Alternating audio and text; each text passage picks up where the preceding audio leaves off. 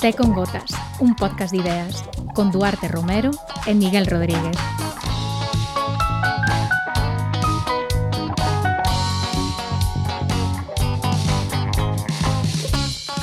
quiximos ter que comezar este programa, este primeiro programa do Te con Gotas en 2022 cunha disculpa. E supoño que xa saberedes porque, claro, é que hai máis un mes que non sacamos eh, Te con Gotas e nós que sempre nos enorgullecíamos de sair cunha periodicidade eh, fixa cada dúas semanas como reloxos, pero desta volta non puido ser, aínda que temos unha boa excusa sí, é unha excusa importante. Se cadra máis no teu caso que no meu. Pero, pero bueno, sí, eu en decembro pois vivín a miña segunda mudanza en seis meses. Non foi así nada moi traumático porque foi un cambio de cidade dentro do que é a P9. Pero no teu caso foi un cambio profundo, porque cambias de cidade e cambias de país, que despois de máis de 10 anos no Reino Unido, volves con nos a Galiza, non?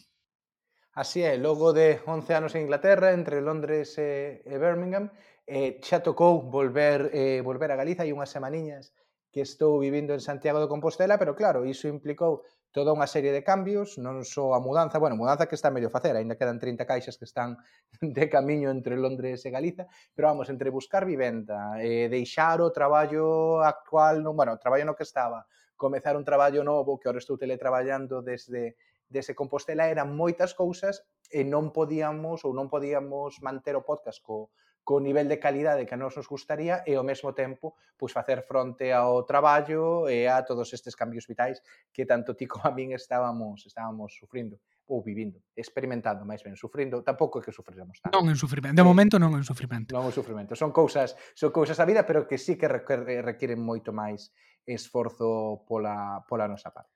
Pero bueno, esta nova etapa vai implicar cambios, non? Cambios no, no xeito en que organizamos o podcast, porque, bueno, como acaba de dicir Duarte, el cambiou de traballo, no meu caso, sigo no mesmo traballo, pero pois a carga semanal que estou a ter pois aumentou lixeiramente, por tanto, eh, para manter o nivel de calidade do podcast que, que viñamos tendo ata agora, pois imos eh, redimensionar o podcast ou cambiar un pouco a periodicidade dos nosos programas, porque, bueno, ata agora que nos eh, seguíades habitualmente sabíades que todos os meses había dous te con gotas, dous programas eh, en aberto para todo o mundo e dous tes en gotas exclusivos para suscriptores. Pero de agora en diante vai haber un calendario lixeiramente diferente, non, Duarte?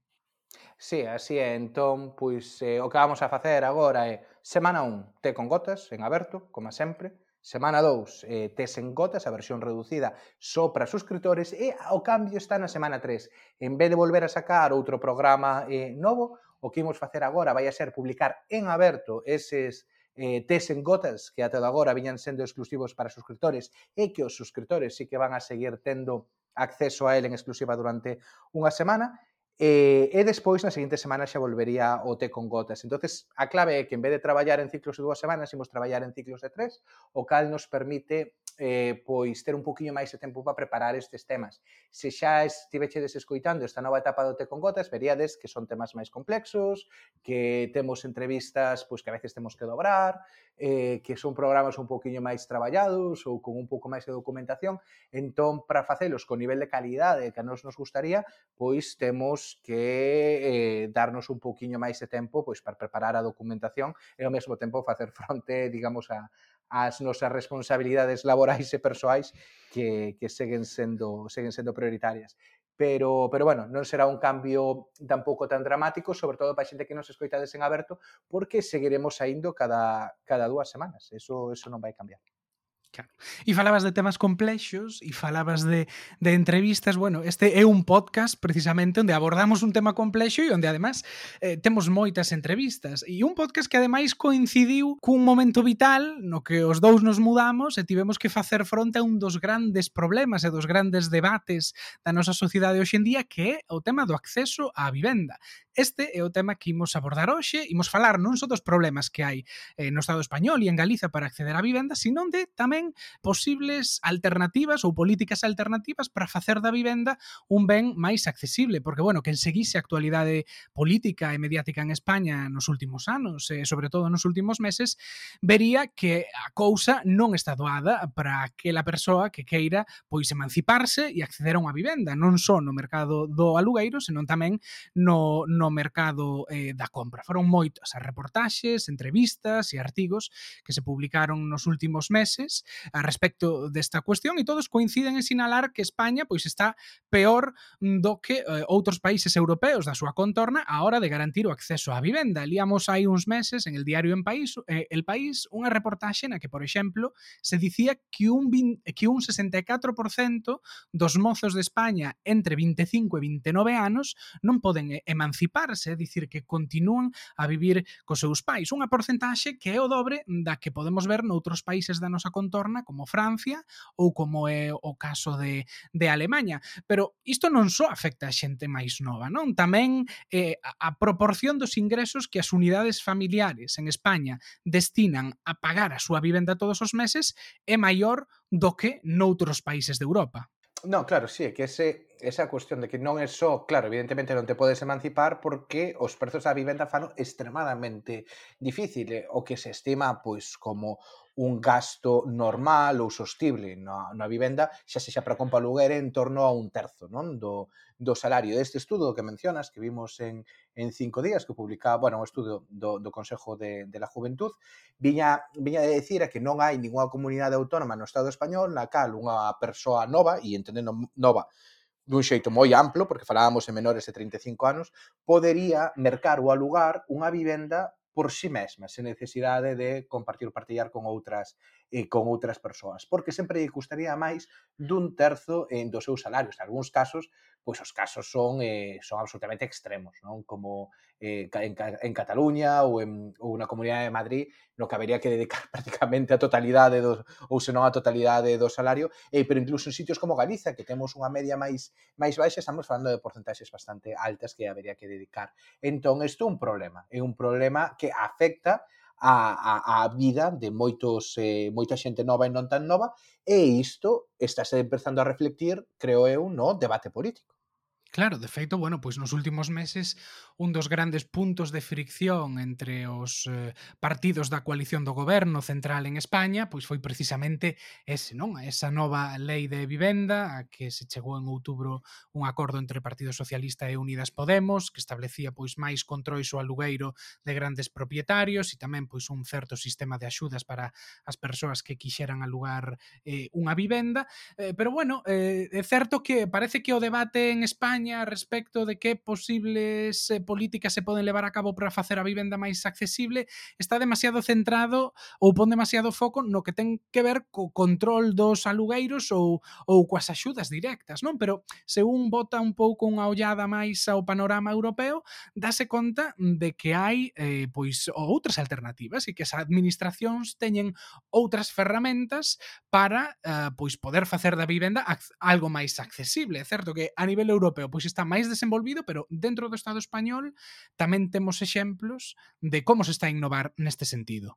E un destes casos precisamente está en Cataluña, onde hai un exemplo que a nós nos pareceu super interesante e que merecía a pena dedicarlle un programa case, case enteiro, que son as cooperativas de vivenda en cesión de uso, que a día de levan uns anos xa proliferando en todo o territorio catalán, pero particularmente en, en Barcelona. A nós interesounos moito o caso dunha cooperativa que se chama Sostre Civic, que fai algo así como de paraugas, non de moitos proxectos que se están facendo por toda Cataluña. Levan alrededor de 15 anos eh, funcionando, teñen eh, en torno a mil, a mil socios, e nos últimos anos, eh, nos últimos eso, 4 ou 5 anos, se están pegando un boom non de, de, de proxectos eh, iniciados. Pero antes de nada, vamos, eh, imos por partes. A ver, Miguel, explícanos un pouco para aclararnos que é unha cooperativa de vivenda en cesión de uso, que é así como un palabro moi moi longo. Sí, exacto. A ver, é, é un pouco complexo, hai que un pouco desaprender, non? Ou eh, desfacernos desa idea que temos da vivenda como un ben mercantil, non? Como ese investimento no que alguén se mete pensando que no futuro se pode revalorizar. Porque isto das cooperativas de vivenda en cesión de uso é un híbrido entre o que sería a, a compra de vivenda e o alugueiro. É dicir, existe unha cooperativa integrada por un grupo de cooperativistas que se xuntan para construir un, eh, unha, un bloque de vivendas. Un bloque de vivendas que acabará sendo propiedade da cooperativa. É dicir, os integrantes da cooperativa non van ter unha casa en propiedade en canto acabe a construcción. Eles serán os inquilinos en tanto que cooperativistas, pero non van ter o dereito a, por exemplo, vender o seu piso no futuro ou alugalo a terceiros no futuro para obter unha renda. Vai ser sempre propiedade da cooperativa e os cooperativistas pois van ter o dereito a empregar ou a ocupar esas vivendas. Entón, claro, isto é un choque eh, cultural eh, con respecto ao que falábamos antes, con respecto á idea da vivenda como un, uh, unha mercancía, non? o que se prioriza é o ben de uso da vivenda. E este, este, esta, este mecanismo polo cal os inquilinos pois non poden vender ou alugar a terceiros as súas vivendas porque enténdese que as vivendas son propiedade da entidade cooperativa, busca tamén loitar pois contra esa especulación especulación non inmobiliaria e contra esa idea de convertir a, a vivenda eh, nunha mercancía nunha mercancía máis. Uh -huh. Claro, e precisamente isto que comentas da, da diferenza non entre o valor mercantil e o, e o valor de uso quizáis sexa a maior a principal diferenza coa, outras cooperativas de vivenda coas cais quizáis en Galiza pois xa estamos máis habituados. Seguro que moitos de vós claro. escoitáchedes pois moitísimos proxectos eh, en, en, to, en toda Galiza que son que, que, de, de construción que se fixeron en, en base a cooperativa de vivenda. No caso de Ferrolterra, de onde son eu, pois houve varias impulsadas xa sexa por, eh, pois, por Comisión Sobreiras ou por eh, grupos de traballadores aí en Coruña, eh, Miguel non había no, fin, no fimático, no fimático por eh, por policías locais, creo que eran, non? Bueno, sí, sí. Claro, é algo bastante bastante habitual en Galiza. A principal diferenza con este caso de cesión de uso que hai en Cataluña é que no caso galego eh, o que se fai é, vale, fais a promoción, eh, abaratanse os costes, pero despois cada sociedade cooperativa quedase co seu piso e, e xa está quedando de propiedade do, do seu piso. Esa é a principal diferencia, que ti non eres propietario do piso individualmente, senón que eres propietario colectivamente da cooperativa. É un cambio eh, de chip, pero é, é interesante, porque isto evita tamén o que comentabas, que é o que pasa a veces tamén eh, cos cooperativas que venden en Galiza, que no longo prazo eses eh, pisos poden rematar no mercado libre e, polo tanto, pois, facilitando a especulación inmobiliaria, etc. etc. Claro, dicías, dicías abaratanse os costes, claro. Vos pensade no mercado habitual, no mercado privado, por así dicilo, cando unha empresa, un promotor inmobiliario construe vivendas, pois o seu obxectivo é vender esas vivendas a un prezo maior do que lle custou o custe de produción. Entón, o que teñen en común as cooperativas de, de promoción típicas eh, de Galiza e estas cooperativas de vivenda en cesión de uso é que tratan de saltarse o paso do promotor e ser elas quen autopromoven os seus edificios de xeito que pois van a pagar simplemente polo custe de erguer eh, eh, esas vivendas, sin necesidade de ter que pagar a maiores un extra para darlle beneficio a un promotor. Pero claro, despois o xeito en que finalmente eh, van a terse en propiedade as vivendas, pois xa vai ser totalmente eh, distinto. Uh -huh.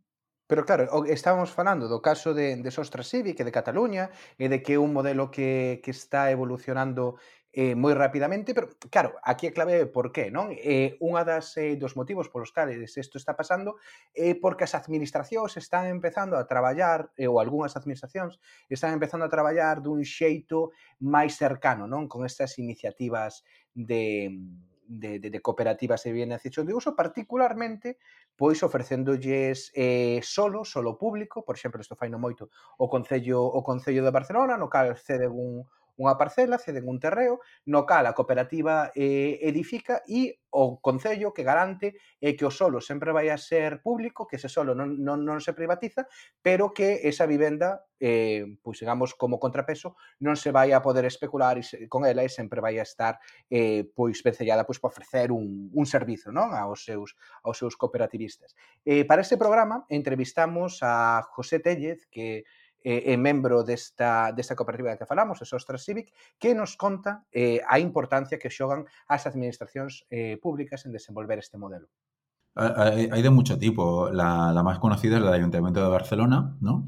que tiene un gran banco de, de, de suelo ¿no? público para ofrecer y por tanto pues, eh, lo está ofreciendo tanto a cooperativas como la nuestra, como a, a fundaciones y a promotoras sociales que quieran construir alquiler social.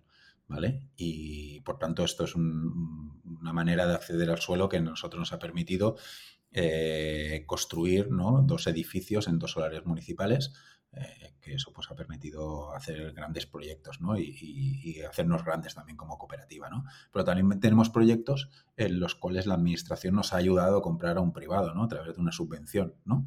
Y, y, siempre con controles públicos, porque siempre que hay que cualquier administración ponga un euro en, en cualquier proyecto, pues todas las viviendas tienen que ser en regímenes de, protección oficial y todos los criterios tienen que ser públicos, transparentes y siempre habrá control público de, de, esa vivienda, pero, pero sí, las colaboraciones pueden ser de mucho tipo, ¿no? Tanto de eso, de ofrecer materia, ¿no? Suelo, como ofrecer eh, financiación, como también ayudar en, en, hacer estudios previos, en hacer planes de viabilidad, etcétera. O sea, cada administración, pues depende de sus posibilidades y, de lo que requiera su plan de vivienda, pues se puede involucrar más o menos. Bueno, pero así en abstracto enténdese un pouco en que funciona, como funciona, non? En que consiste este modelo, pero a efectos prácticos en, imos tratar de explicar que é iso de ser cooperativista, non? É dicir, que cantos cartos hai que poñer, cando hai que pagar, en que consiste a participación, non? Porque, bueno, pois este tipo de cooperativas teñen tamén unha concepción moito máis democrática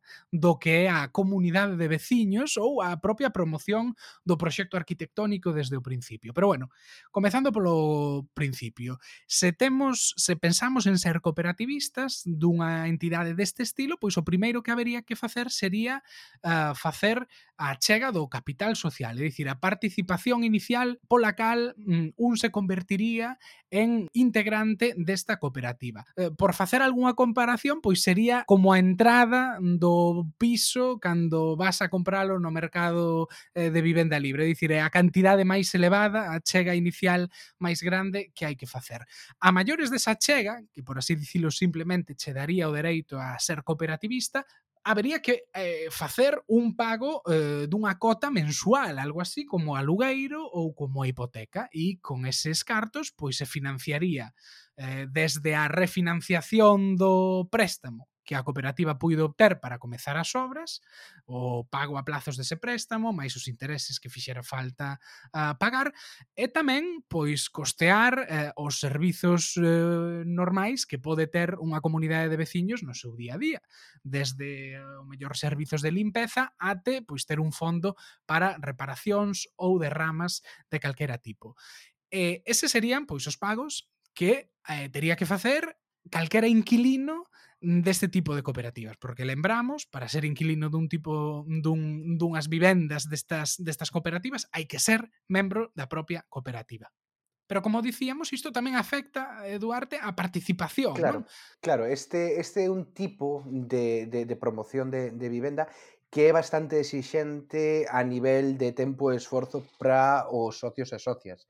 Non é simplemente poñer os cartos e xa está eh, teñen que decidir desde un primeiro momento que en tipo, eh, bueno, prácticamente todas, as, exactamente todas as decisións que afecten ao edificio. Teñen que decidir eh, cantos metros cadrados vai haber, cantos espazos comuns vai haber, porque, no, sobre todo no caso da catalán, moitas destas eh, cooperativas, bueno, son así bastante progres, entonces queren ter moitos espazos comuns de socialización e, e vivir así en comunidade. entonces eso xa afecta pois ao que é o deseño do, eh, do edificio. Tamén hai que decidir canto si, se si todos os se todos os inquilinos, bueno, perdón, se todos os socios van a pagar exactamente o mesmo nas súas cotas mensuais. Nas casos claro. optase pois por por exemplo, hai pisos máis grandes, pisos máis pequenos, eso pode impactar o o prezo ou se teñen mellores vistas ou se lle está máis o máis o sol.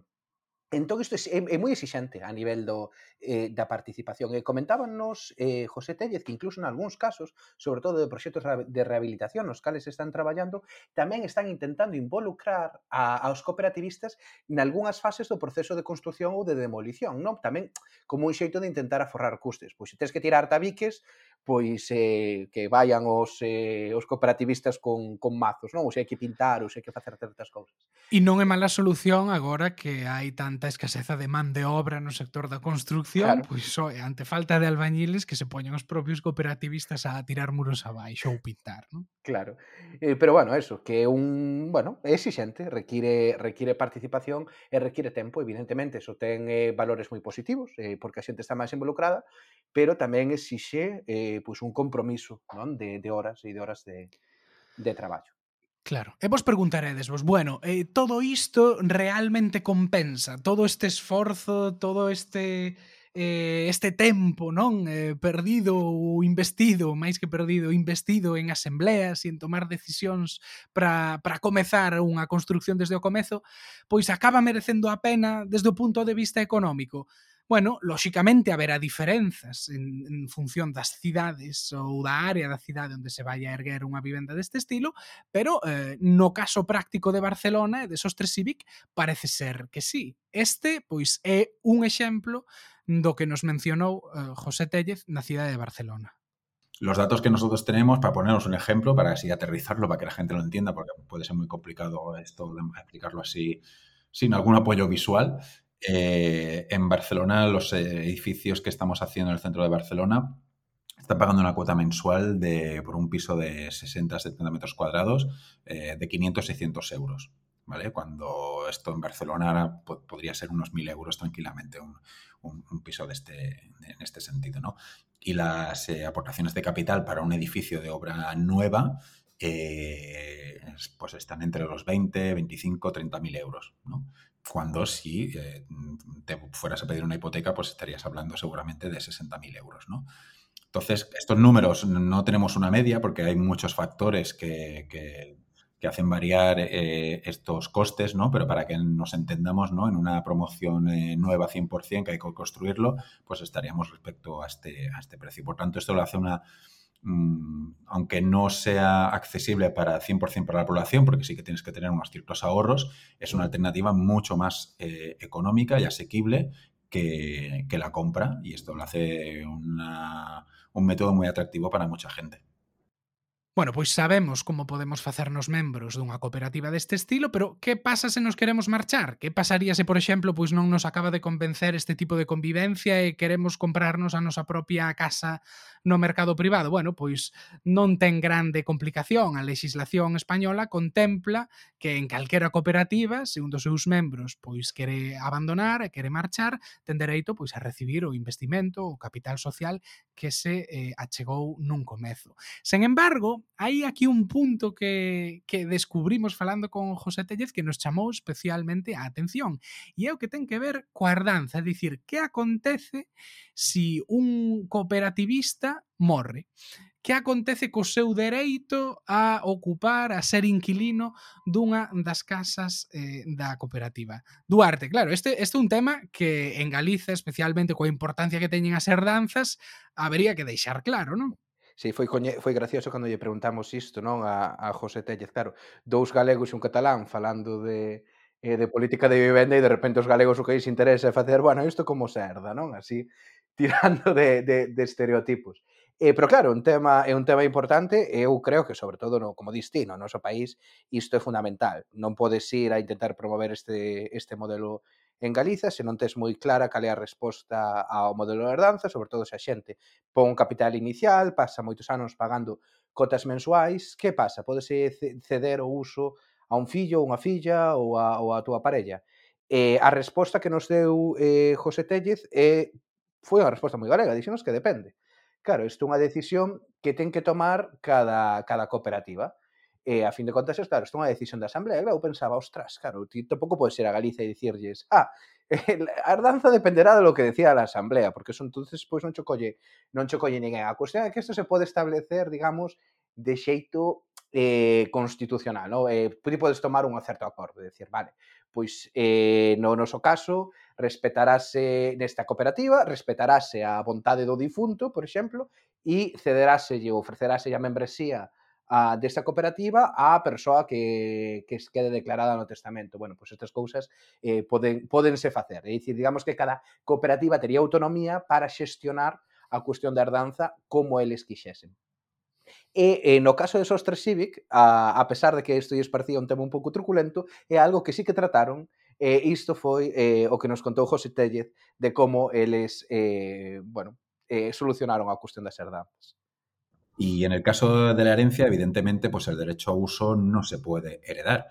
Eh, porque no es una propiedad, no está contemplado en las herencias, ¿no? Entonces, aquí cada cooperativa decide cómo, cómo escoger nuevos miembros, ¿vale? Eh, entonces, hay cooperativas que pueden decidir, pues, que Mm, que, que, para escoger, o sea, al final, las herencias, o sea, si una persona traspasa, muere o lo que sea, el derecho a uso, pues la, la comunidad tiene que buscar una, nuevo, a una nueva persona de la cooperativa mm, y podría decidir que, que, la persona deje en su testamento a quién va ese derecho a uso. Eso podría pasar, pero siempre al final tendrá, la comunidad tendrá la última palabra, porque no es un tema que se tenga que, o sea, ahí ya vendrá el, el, respeto que puedan tener a tu última voluntad, o, o, como le queramos decir, es un poco escabroso hablar, hablar de esto. Pero en todo caso, cada, cada, cada, cooperativa lo decide. Por ejemplo, Nostra Civic, que somos una, cooperativa grande, somos mil socios y tenemos diferentes proyectos de vivienda, no, y, todos son socios de la misma cooperativa, que está basado esto en un poco el modelo danés, ¿no? de cooperativas grandes. No cada, o sea, nos, nos, cada proyecto nuestro no es una cooperativa, sino que nosotros somos una cooperativa de proyectos. ¿no? Y por tanto, lo que tenemos regulado ahora en el caso de, traspaso por fallecimiento, es que siempre se podrá heredar el derecho de uso siempre que haya sido una persona que haya convivido en esa, en esa unidad familiar durante un tiempo determinado de dos años, ¿vale? Porque así también lo, dejamos abierto pues a, a, a, hijos, a parejas, amigos, ¿vale? Un poco, un poco más abierto en este sentido, ¿no? Porque también intentamos eh, romper con, con, el modelo tradicional de familia y, y todo esto, ¿no? Pero esto es una decisión que hemos tomado nosotros en nuestra asamblea. Eh, habría otra cooperativa que podría decir, tomar otra decisión. Bueno, pero este modelo das eh, cooperativas de vivenda en cesión de uso pois tampouco é necesariamente a solución definitiva ou a solución de todos os problemas. Decidimos pois falar del porque nos pareceu especialmente interesante, aquí en Galiza non hai ningún proxecto deste estilo de momento e si viamos que, que en Cataluña e en concreto en Barcelona, que é unha realidade moi próxima, pois estaba dando moito que falar últimamente. Eh, pero como dicíamos, pois pues, eh, pode ser eh, especialmente xente nova uh, que teña problemas para involucrarse nun proxecto deste estilo, pois porque o mellor non ten a liquidez ou os cartos para facer esa chega inicial que os convirta en cooperativistas. Sobre isto precisamente reflexionaba uh, Andrei Quintiá, que é un investigador da Facultade de Dereito da Universidade de Santiago de Compostela, co que falamos sobre este asunto e para este programa e que precisamente pois está a piques de rematar un doutoramento sobre o dereito á vivenda despois da crise financiera. Eh, e André Quintiaque, por certo, nos axudou moito eh, coa documentación dese programa máis aló da entrevista que lle fixemos e que nos axudou moito a, a saber a quen preguntar e por onde por onde investigar. Así que moi agradecidos a, a André. O incluso en algúns, en algúns dos casos eh, tamén se trata de cooperativas que xestionan alugueiro porque mm, non soamente existen que tamén eh, cooperativas, como comentas, en cesión de uso, que é moi interesante, mas tamén hai eh, cooperativas que xestionan como tecido social ou terceiro sector un alugueiro social. Entón, eh, a persoa, o inquilino, digamos, ou a inquilina, eh, xest enténdese co, coa cooperativa, non, non ten por que ser directamente cooperativista. Ese modelo efectivamente axuda a suplir esas barreiras que pode presentar o cooperativismo de vivenda pois para xente con menos recursos, menos tempo incluso en ocasións ou, ou o que sexa, porque o, o, do que se trata no fondo é de, de crear ou desenvolver vivenda asequible. Entonces, mmm, sí que o cooperativismo de vivenda está moi ben, pero é certo que o mellor non todo o mundo non é unha experiencia para todo o mundo e entón ese, ese outro modelo alternativo máis orientado a fundacións sen ánimo de lucro, por exemplo, na, na xestión deses proxectos ou incluso cooperativas tamén, pode, pode suplir esa, ese, esas distancias tamén aí. Nós, como podcast, non queremos eh, nin mercar unha casa, nin impulsar unha cooperativa de vivenda, pero sí que... De momento. Gustaría, de momento, de momento. Estaría, estaría a súa gracia, eh? Cooperativa de vivenda até con gotas. Pero, bueno, pois pues mira, sí, para impulsar unha cooperativa de vivenda, por que non? Joder, Precisamos... e democráticamente poderíamos decidir que, eh, ademais de vivendas, queríamos un estudio para podcast. Pois, pues, ollo, mellor se pode facer unha cooperativa de vivenda de podcasteiros, de podgalego bueno. ou algo así. Ostras, é como non se nos ocorreu antes. Bueno, isto temos que poñer en Twitter o corte, citando a Pod Galego, non? Para eh, eso, xuntarnos aí todos cun estudio de radio e, e, e un fío musical, non? Para que se os estivese escoitando 24 horas o día, así en, en, en intenso. Bueno, pero bueno, para eso, eh, que fai falla así de entrada? Pois igual fai falla algo de capital inicial. E para que mellor que para xuntar o capital inicial que a través da nosa conta de Patreon. Vedes que ben estamos integrando non así as, eh, os cortes no, nos temas. Eh? Non se nota que publi reportaxe, non se no, nota. No, no. Eh, bueno, pois pues sí, como sabedes, temos unha conta en Patreon, patreon.com barra tecongotas, que nos sirve pois para pagar os custes básicos do, do programa e pois manternos eh, motivados e que isto tamén eh, bueno, pois se pague en parte o traballo. A maiores eh, diso, se non, se non queredes eh, pagar simplemente por militancia, pois que saibades que eh, a semana seguinte de sacar o podcast principal, pois sacamos unha versión máis reducida, un tes en gotas, no cal comentamos algún aspecto pois que nos quedase no tinteiro no, no, no podcast principal ou hai algo de contido de contido en exclusiva e a maiores podedes, depende do nivel de, eh, de, de cartos que, que paguedes, pois podedes levar algún agasallo máis, xa sexa unha taza, un imán, uns eh, autocolantes, etc. Así que se queredes apoiar este podcast, lembrade, patreon.com barra con gotas eh, e aí xa tedes todas, todas as opcións. Bueno, e despois deste minuto publicitario imos facernos a pregunta que nos facemos en todos os programas desta tempada. E en Galiza que? Bueno, pois como xa dicíamos antes, en Galiza aínda non temos ningún exemplo de, de cooperativa de vivenda en cesión de uso. Pero como comentábamos ao principio, sí que hai tradición de cooperativismo de promoción, é dicir, cooperativas que se xuntan para construir e eh, que unha vez o edificio e as vivendas están finalizadas, pois desa desaparecen. A partir dese momento, pois os, os donos, os, os cooperativistas, pasarían a ser donos das súas vivendas e poderían facer eh, con elas o que quixesen, o que quixesen, bueno, en función das circunstancias, se son vivendas de protección oficial, pois terían uh, as restriccións ou as limitacións que impoñen as vivendas de, de protección oficial. Pero claro, isto é algo, non, do arte que, por exemplo, na zona aí de Ferrolterra xa hai décadas, non, que que existían cooperativas de promoción deste estilo. Sí, sí, soname que sí, que había se, algunhas vencelladas a comisións obreiras e a outros, hasta penso que nas Pontes tamén houbera algo parecido vencellado a, traballa, a traballadores de Endesa. Bueno, non é algo eh, que sexa eh, completamente completamente infrecuente.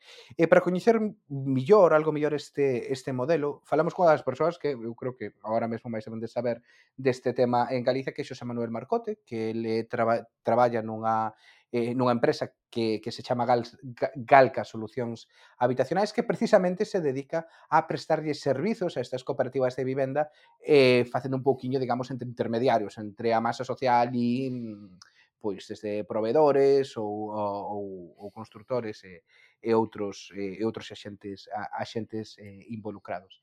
Isto foi o que o que nos contou de como funciona.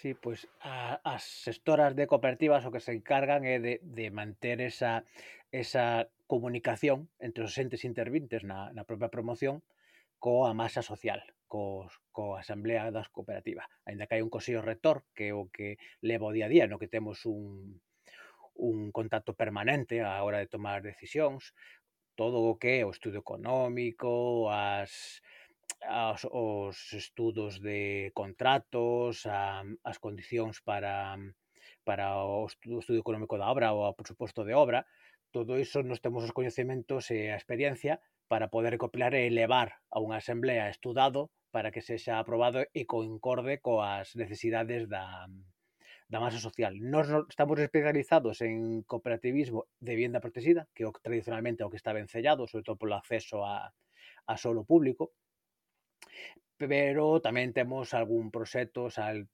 fixemos un par deles de vivenda libre, aínda que a Lei de Cooperativas de Galiza o que o que di é que o cooperativismo de vivenda ten que estar dedicado á vivenda habitual.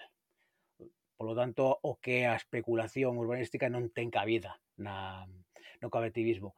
E, e nace con vontade de iso, de aquilo que unha persoa soa non pode acadar, que é unha vivenda digna a un prezo asequible, pois agrupándose colectivamente se poda, se poda conquerir. E algo moi vencellado tamén ás cidades, sobre todo. Aínda que, bueno, eu son cooperativista, eu vivo nunha vivenda protexida de réxime xeral a través de unha cooperativa ganando un concurso público nun concello en Bayona, preto, preto de Vigo. O sea que a vontade pode ser en, en calquera, en calquera lugar, non ten que estar focalizado nas cidades, aínda que o normal é eh, que teñan cabida ali onde hai máis presión urbanística, ali onde o prezo do solo pode elevarse, entón require unha actuación pública de reserva de, de solo, o aproveitamento urbanístico dun, dun peri ou actuacións públicas como pode ser a, mm, Sampaio de Navia en Vigo, ou Valdecorvos en Pontevedra, ou Parque Ofimático na Coruña, por exemplo. Claro, pode ser que algún de vos eh, vos preguntedes se algo así compensa um, nun país como Galiza onde o mercado da vivenda pois non é tan extremo como Barcelona, non? Barcelona ao fin e ao cabo pois é unha grande cidade europea e é por así dicilo dentro do Estado español un dos referentes xunto co Madrid, con Madrid das, das maiores loucuras inmobiliarias e dos prezos máis disparatados. Pero, claro, en Galiza pois eh, sería rentable un esforzo deste estilo, organizarse nunha cooperativa, tendo en conta que o mellor no mercado privado ou o mercado da, do alugueiro é máis razonable eh, bueno, pois eh, Xosé Manuel precisamente nos falaba da súa experiencia persoal, ele é cooperativista e ten unha vivenda ah, construída a través dunha cooperativa de promoción deste estilo en Baiona, tampouco estamos falando da, eh, de la milla de oro de Coruña, e efectivamente el nos di que compensa. Pois, pois fíxate, eh, eu te vou poner o caso, claro, meu persoal. Eu vivo en Baiona, unha localidade mm, da, do, do cinturón metropolitano de Vigo cunha alta carga eh, de especulación pola, polo factor turístico onde unha vivenda de tres dormitorios xa prácticamente nin se construe polo alto coste que ten e que pode rondar mínimo pois os 200, 210, 240 mil. Hai pouco un coñecido meu estuve vendo unha promoción rescatada destas dos Aref e era un, un baixo de tres dormitorios por 240.000 euros. Baixo correspondente IBE. No meu caso, co módulo Vicente ata agosto, que era 1212,80, foron 126.000 euros máis IBE, o que, o que custou. De feito, hoxe se eu me quisera mudar, pois, por exemplo, a Vigo, eh, non me compensa, non vou atopar unha vivenda a este prezo o a renda que estou a pagar agora é moi inferior ao aluguer que se está a pagar eh, no mercado libre eh, en Bayona ou en Vigo. É verdade que hai un esforzo económico previo importante, pero o, o longo compensa. E es, esa é a gran diferencia. Cando falamos de, mm, de viabilidade económica nunha economía familiar, sempre se fala de que non se debe de superar un 30, un 33, un 35% dos ingresos familiares a, a, o custe da vivenda. Pois si, si temos un salario mínimo de 900 e, e unha parella son 1800, pois o 33% pois xa sabemos o, o que dá. E a partir de aí temos que calcular se si hai parque de vivenda para ese promedio de, de ingresos.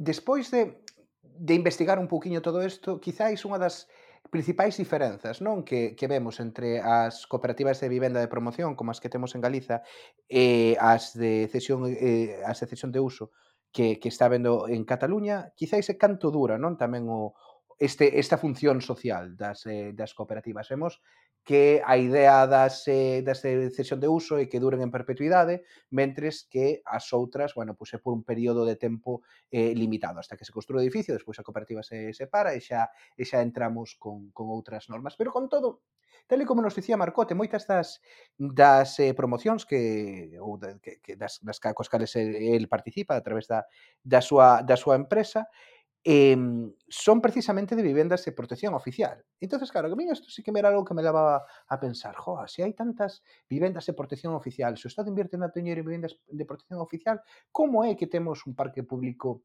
pois en moitos sentidos tan pequeno, tan pobre, ou está tan pouco desenvolvido en comparación con outros con outros estados europeos. E aquí onde entran, eh, bueno, unha serie de regulacións a respecto das vivendas de protección oficial que fan que, bueno, ao longo prazo eh, moitas delas se eh, rematen no, no mercado libre. Isto foi a explicación que nos deu o investigador da, da Universidade de Santiago, André Quintia. Sí, a, a, a vivenda de protección oficial é unha categoría xurídica que é a que existe en España xa desde desde hai moitas décadas e a que herdamos, eh, consiste en actuacións, fundamentalmente son, por decirlo de algún xeito abreviado, financia, financiación pública ou actuacións subvencionadas eh, de desenvolvemento de vivenda. Entón, eh, pode consistir ou ben en promoción pública, é dicir, a administración pública desenvolve vivendas co seu propio patrimonio, ou a administración financia eh, o desenvolvemento de, de vivendas eh, de diversos xeitos eh, eh, con diñeiro público.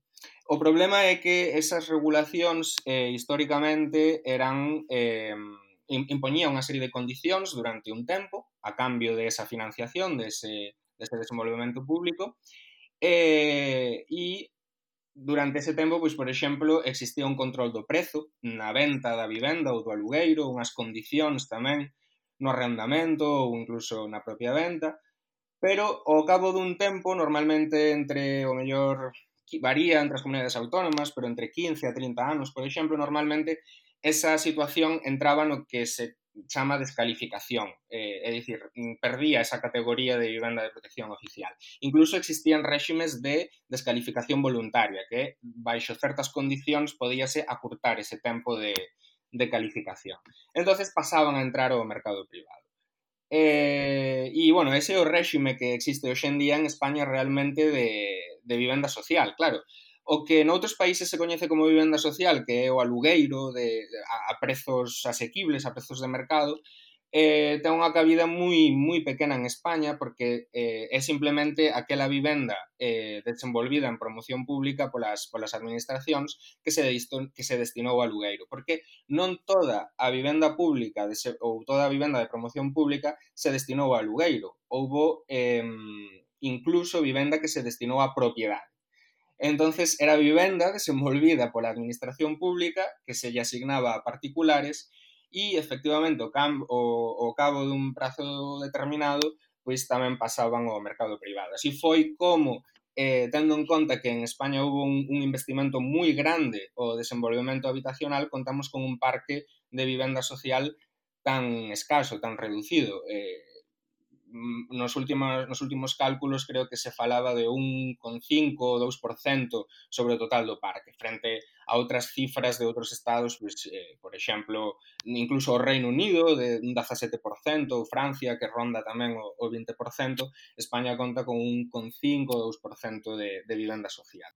Claro, isto tamén é unha diferenza importante entre o modelo de cooperativa de promoción e, e as cooperativas que promoven en Sostre Civic, especialmente no que ten que ver con canto dura o valor social da vivenda, non? Porque vemos que, por así dicilo, en Sostre Civic se blinda esa vivenda de xeito que non vai poder sair o mercado libre nin se vai poder especular con ela, mentres que nestas cooperativas eh, de, de, de protección oficial, de vivendas de protección oficial, despois desas décadas xa xa poden entrar no, no xogo do libre mercado. Entón, bueno, aí é unha, unha diferenza a ter en conta.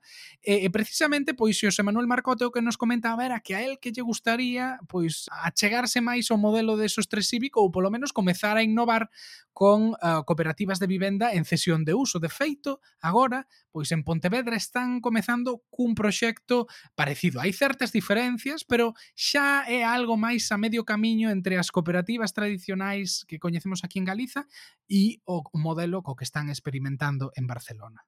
Nos temos agora, por exemplo, un, un proxecto moi similar, pero temos que adaptarnos a, a realidade que, que temos aquí no país, que é precisamente Pontevedra, en Valdecorvos, un solo público que hai que adquirir e vai a ser permanentemente en aluguer durante 25 anos. Este caso é un, é un paso previo á proposta de soste civil, que é a adquisición da propiedade do solo para desenvolver a promoción eh, nese solo, que é titularidade tamén da cooperativa, pero en troques de eh, eh, executar escrituras da adjudicación e propiedade de cada un e cada quen paga a súa hipoteca, o que va a permanecer en propiedade todo o edificio da cooperativa e os cooperativistas son arrendatarios de cada súa vivenda.